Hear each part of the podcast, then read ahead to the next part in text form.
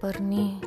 Eits, tunggu dulu. Dengerin dulu nih yang satu ini. Di Daily Food, di Daily Me Minutes with Anggi Siregar. Yuk, jajan, jalan, makan. Sambil dengerin. Geef mij maar nasi goreng met een gebakken ei. Wat sambal en bier erbij. kerupuk kerupuk yang mau dibahas nah kalau misalnya teman-teman penasaran eh, kerupuk ini adalah salah satu makanan yang menurut aku worth it untuk dibahas karena makanan ini tuh beneran bener bener bener bener erat sama kehidupan kita sehari-hari sebagai warga Indonesia. Meskipun ya kerupuk ini tidak hanya ada di Indonesia dan cukup populer di Belanda ya makanya kenapa ada masuk ke salah satu lagu juga ya. Meskipun ibu ini sendiri juga punya riwayat, maksudnya punya sejarah dan histori lain terkait dengan Indonesia karena lagunya punya tentang Indonesia tapi despite of it tetap kerupuk itu punya satu hal yang istimewa gitu di hati teman-teman yang orang Belanda gitu. Tapi tidak hanya di Indonesia dan Belanda, dia juga sangat populer di Malaysia ya dan juga di Filipina. Jadi kalau di Indonesia tuh kita kenalnya kan kerupuk atau kerupuk nggak ada e-nya. Terus kalau di Malaysia dibilangnya tuh kerupuk. Kalau misalnya di Filipina itu namanya keropek gitu. Nah, kalau di Belanda sendiri juga kerupuk tapi tulisannya K R O E P O E K gitu ya. Dan kalau misalnya kita mau bahas tentang kerupuk sejarahnya menarik banget guys karena kalau misalnya kita biasanya tahu kan ya kalau makanan yang bisa dibahas di daily food itu ada pengaruh dari Tiongkok gitu atau pengaruh dari perdagangan dan asimilasi lainnya.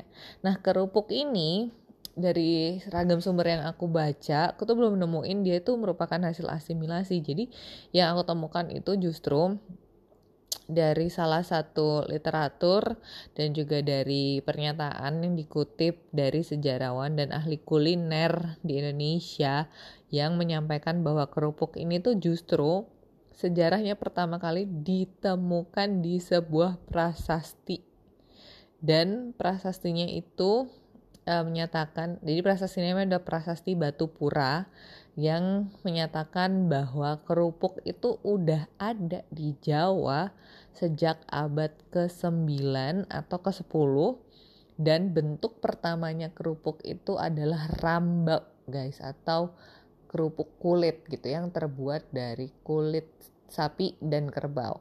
Kalau kalian ngikutin banget podcastnya Daily Food kalian pasti tahu kalau misalnya associated with hewan utamanya sapi dan kerbau yep.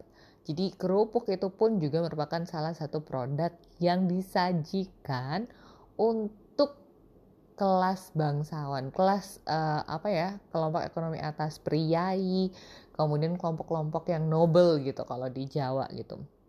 Dan seiring berkembangnya waktu jadi bersamaan dengan adanya kerupuk yang disajikan dalam santapan untuk para kelompok bangsawan ini dan priai ini, ternyata kerupuk tuh juga ada versi apa namanya uh, murahnya gitu ya, dopnya gitu, yang dibuat dari aci, namanya kerupuk aci. Dan kerupuk aci ini betul adalah kerupuk yang disajikan untuk kelompok pekerja atau kayak kelompok uh, ekonomi rendahnya lah pada saat itu. Nah, seiring berjalannya waktu, kerupuk ini itu tidak hanya terkenal dan dikonsumsi di Jawa saja. Ya, sama seperti dengan perkembangan makanan lain, ini tuh dari mulut ke mulut terus melalui pedagang yang juga berkeliling ke Indonesia apa di seluruh kota di Indonesia Nusantara ya waktu itu bahasanya dan akhirnya menyebarkan si kerupuk ini. Nah mungkin kalau teman-teman tahu kalau dalam bahasa Inggrisnya sedikit balik ke kekinian gitu ya. Kerupuk itu kan dikenal dalam bahasa Inggris tuh kayak fish crackers atau brown crackers gitu dan dia tuh kalau misalnya di luar atau di luar Indonesia atau di luar Southeast Asia atau Asia Tenggara kerupuk itu sangat familiar atau kalau kalian suka nonton food reaction dari all kids all around the world kayak aku uh, mereka tuh biasanya food reacts kerupuk tuh sebagai snack gitu. Jadi mereka nggak pernah nyangka tuh kalau misalnya kerupuk di Indonesia itu beyond jadi tidak hanya se seperti snack atau makanan ringan. Karena kalau di Indonesia peran kerupuk itu justru lebih ke arah makanan pelengkap. Jadi aku tuh mikirkan oh mungkin nih kerupuk tuh kayak dia tuh pendamping gitu. Tapi nggak di banyak makanan di Indonesia itu yang dia tuh fungsinya justru sebagai pelengkap contoh nih nggak mungkin nggak sih kalian beli lote atau gado-gado tapi nggak dikasih kerupuk atau ketoprak deh nggak dikasih kerupuk sama bapaknya itu beneran deh kerupuk itu adalah kayak pelengkap if there is no kerupuk in that dish jadi nggak lengkap aja gitu rasanya. Nah itulah kenapa kayak di banyak kan orang-orang kayak orang Korea kayak orang Amerika kalau react to kerupuk atau nasi goreng gitu yang disajiin sama kerupuk udang biasanya itu tuh mereka pasti akan ngomong kayak oh orang Indonesia tuh bisa ya makan snack barengan sama makan utama. Karena kalau di Indonesia kerupuk it's not a snack. Apalagi ular. It's a snake. Ya bukan. Jadi kayak kalau misalnya kerupuk itu di Indonesia lebih perannya sebagai makanan pendamping atau in advance jadi makanan pelengkap gitu. Nah balik ke sejarah, kerupuk ini sebenarnya tuh beneran berkembang tidak hanya di kalangan priai atau kelas pekerja atau juga di hanya pedagang. Kerupuk yang tadi bahasanya adalah fish crackers atau prawn crackers padahal pertamanya justru terbuat dari kulit sapi dan kerbau itu memang kemudian lebih banyak dikenal dengan bahan dasar yang terbuat dari ikan atau udang. Kenapa? Karena dalam masa penyebarannya di seluruh Nusantara ini, balik lagi, yang namanya hewan ternak seperti sapi ataupun kerbau itu sangat fancy waktu itu. Jadi dalam penyebarannya kerupuk ini tuh mengikuti bahan-bahan asli yang ada di ragam daerah di Indonesia dan yang paling gampang didapatkan di banyak daerah saat itu adalah ikan gitu. Nah ikannya pun macam-macam ya. Jadi kayak bukan hanya ikan tenggiri yang kayak sekarang kita tahu gitu, tapi banyak banget makanan laut, makanan ikan baik itu yang kayak uh, apa kualitas bagus banget yang prime terus diolah jadi kerupuk atau mungkin yang kayak secondary quality yang ya, ya itulah ya makanan-makanan seafood tapi diolah jadi kerupuk gitu. Nah sebenarnya ada satu hal yang menarik juga kalau bukan hanya ada di lagunya Ibu Wineke kayak kerupuk ini juga cukup populer di luar.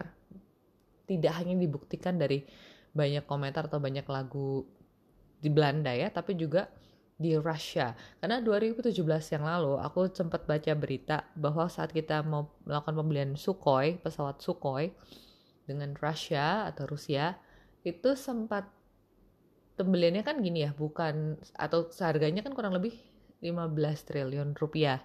Itu pembeliannya itu konsepnya bukan kayak bayar gitu bukan bayar tunai bukan cicil tapi dengan barter komoditi. Nah salah satu barang dagang atau komoditas yang di barter yang ada di dalam list itu adalah kerupuk. Nah itu tuh bikin aku cukup oh emang kerupuk tuh populer ya gitu. Nah cuma kerupuk ini itu sebenarnya tuh juga ada banyak banget nih daily mates kalau di Indonesia sendiri. Though kalau misalnya di luar tuh emang paling paling paling paling nempel tuh orang pasti oh kalau ngomongin prawn crackers atau fish crackers gitu. Itu paling umum. Kayak paling bisa dicari deh mudah banget. Tapi di di Indonesia sendiri tuh banyak juga jenisnya ternyata. Nggak cuma satu atau dua gitu. Paling nggak yang dari aku baca tuh bisa hmm, 16, 15, 15 jenis. Aku sampai ngitung dulu habis J K L M N O P. Aku kenapa nulisnya nggak pakai angka ya tadi? Ya ada 16 kurang lebih uh, apa namanya jenis kerupuk yang aku coba-coba cari ya. Dan kalau misalnya kalian ngerasa ada lebih dari 16 please do comments or send me message. Ya. Dan sebenarnya kalau kalau kalau dilihat ya dari sebarannya atau juga kalau kalian suka memperhatikan kaleng-kaleng kerupuk atau bungkus-bungkus kerupuk sebenarnya ada banyak nggak banyak sih ada beberapa kota di Indonesia yang bisa diklaim sebagai sentra industri kerupuk. Nah, ngomong-ngomong industri kerupuk, sebenarnya menarik juga ngebahas usaha pertama kali kerupuk atau industri kerupuk itu pertama kali justru ada di tahun 1930. Jadi ini udah masuk era modern ya, terlepas dari persebarannya di Nusantara pada zaman kolonial, kemudian juga sampai ke Malaysia dan juga dikenal oleh Belanda karena pertama kali Belanda juga kenal kerupuk itu justru pada masa kolonial itu gitu di di masa-masa penjajahan Indonesia dan juga pada masa itu juga sebenarnya diabadikan juga dalam berbagai macam uh, syair Melayu atau salah satu lah salah satu syair Melayu yang juga cukup terkenal lah menceritakan tentang kerupuk ini gitu di masa penjajahan Belanda. Dan di luar itu di masa penjajahan Belanda sebenarnya itu tadi aku bilang di tahun 1930 itu adalah penanda awal adanya usaha industri kerupuk pertama di Indonesia atau di Nusantara yang digawangi jadi ada dua nih pionir pengusahanya yaitu namanya Pak Sahidin dan Pak Sukarma asalnya beliau ini dari Tasikmalaya tapi pertama kali buka usaha kerupuk ini ada di Jalan Kopo, Bandung. Kalau misalnya baca-baca literatur, itu ada di depannya Rumah Sakit Emmanuel Bandung. Nah, yang menarik nih Daily Mates, sebenarnya tuh tadinya tuh industri kerupuk tuh cuma satu, ya di Bandung itu. Ya cuma Pak Sahidin sama Pak Sukarma. Tapi bagi masyarakat Bandung, uh, kalian bisa katanya tuh katanya nama beliau ini tuh dijadikan nama gang di Bandung. Nah, boleh cari kali ya.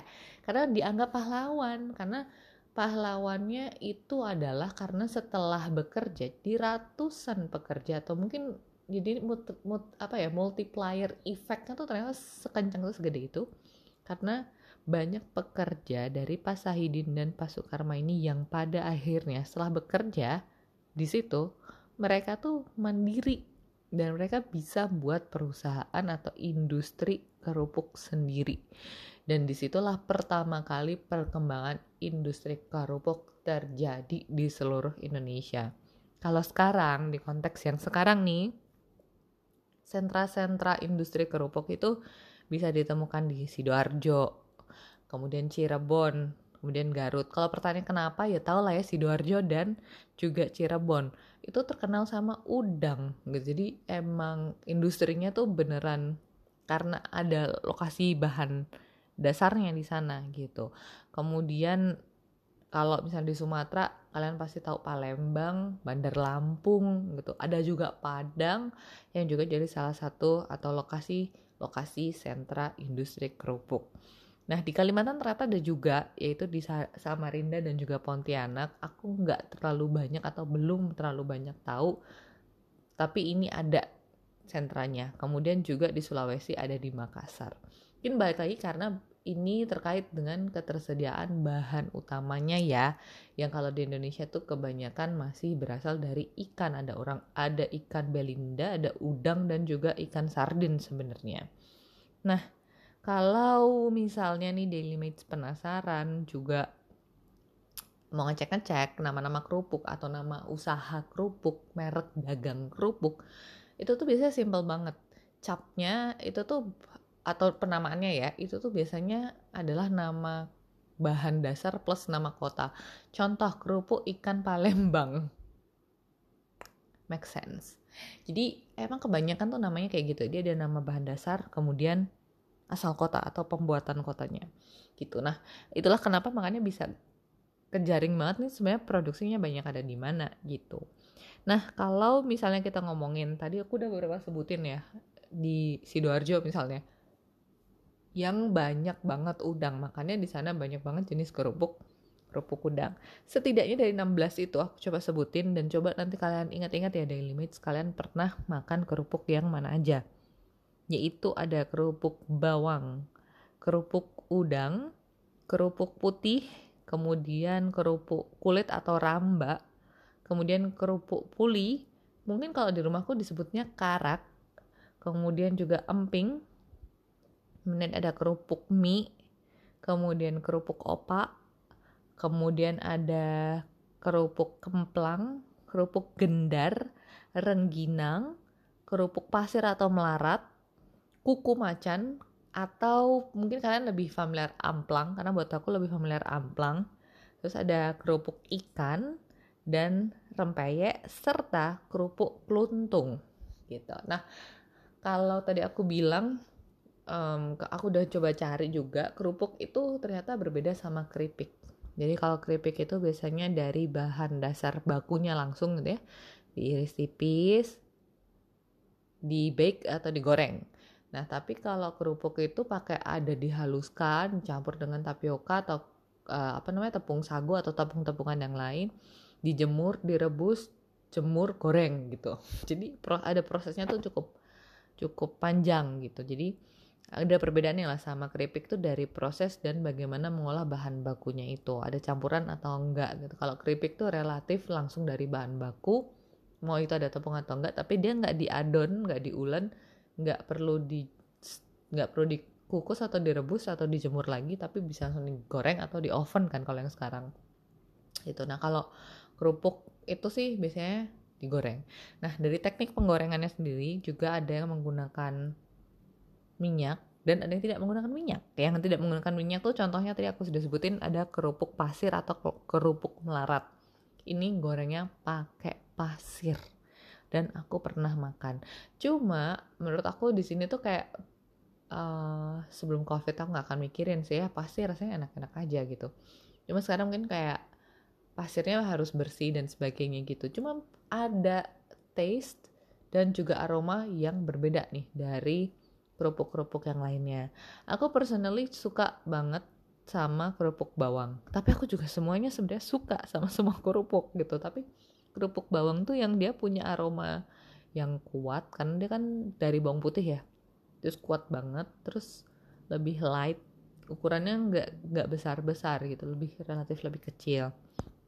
Nah kalau kerupuk udang kalian pasti juga familiar kan kalau di area RA di area di daerah-daerah Jawa Timur itu mungkin cukup banyak atau lebih banyak yang konsumsi itu kerupuk udang. Kenapa? Karena tadi selain ada Sidoarjo juga sebagai sentra produksi dan industri dari kerupuknya dan juga bahan dasarnya, kerupuk udang sendiri itu juga diolah menjadi koya. Nah, koya itu sangat akrab kan dengan makanan seperti soto lamongan, soto ambengan, yaitulah ya. Jadi beneran bahannya tuh dari kerupuk gitu. Jadi kerupuk itu tidak hanya bisa dinikmati dengan kamu gigit terus kriuk-kriuk krenyes-krenyes, tapi ya ada yang dihaluskan jadi koya. Kalau kalian makan soto mungkin ada yang beberapa tim apa kerupuknya tuh dinyesin dulu di kuah soto baru dimakan tuh juga ada sih sebenarnya. Nah, kalau kalian ngomong-ngomong tentang kerupuk, apa nih yang paling paling kalian suka dan menurut kalian kalau misalnya kita ngomongin makanan lain di episode selanjutnya ngomongin apa? Please send me DM atau juga comments ya whatever you want to do. Yang penting let me know. And please stay safe and keep healthy. Sehat-sehat terus teman-teman. Dah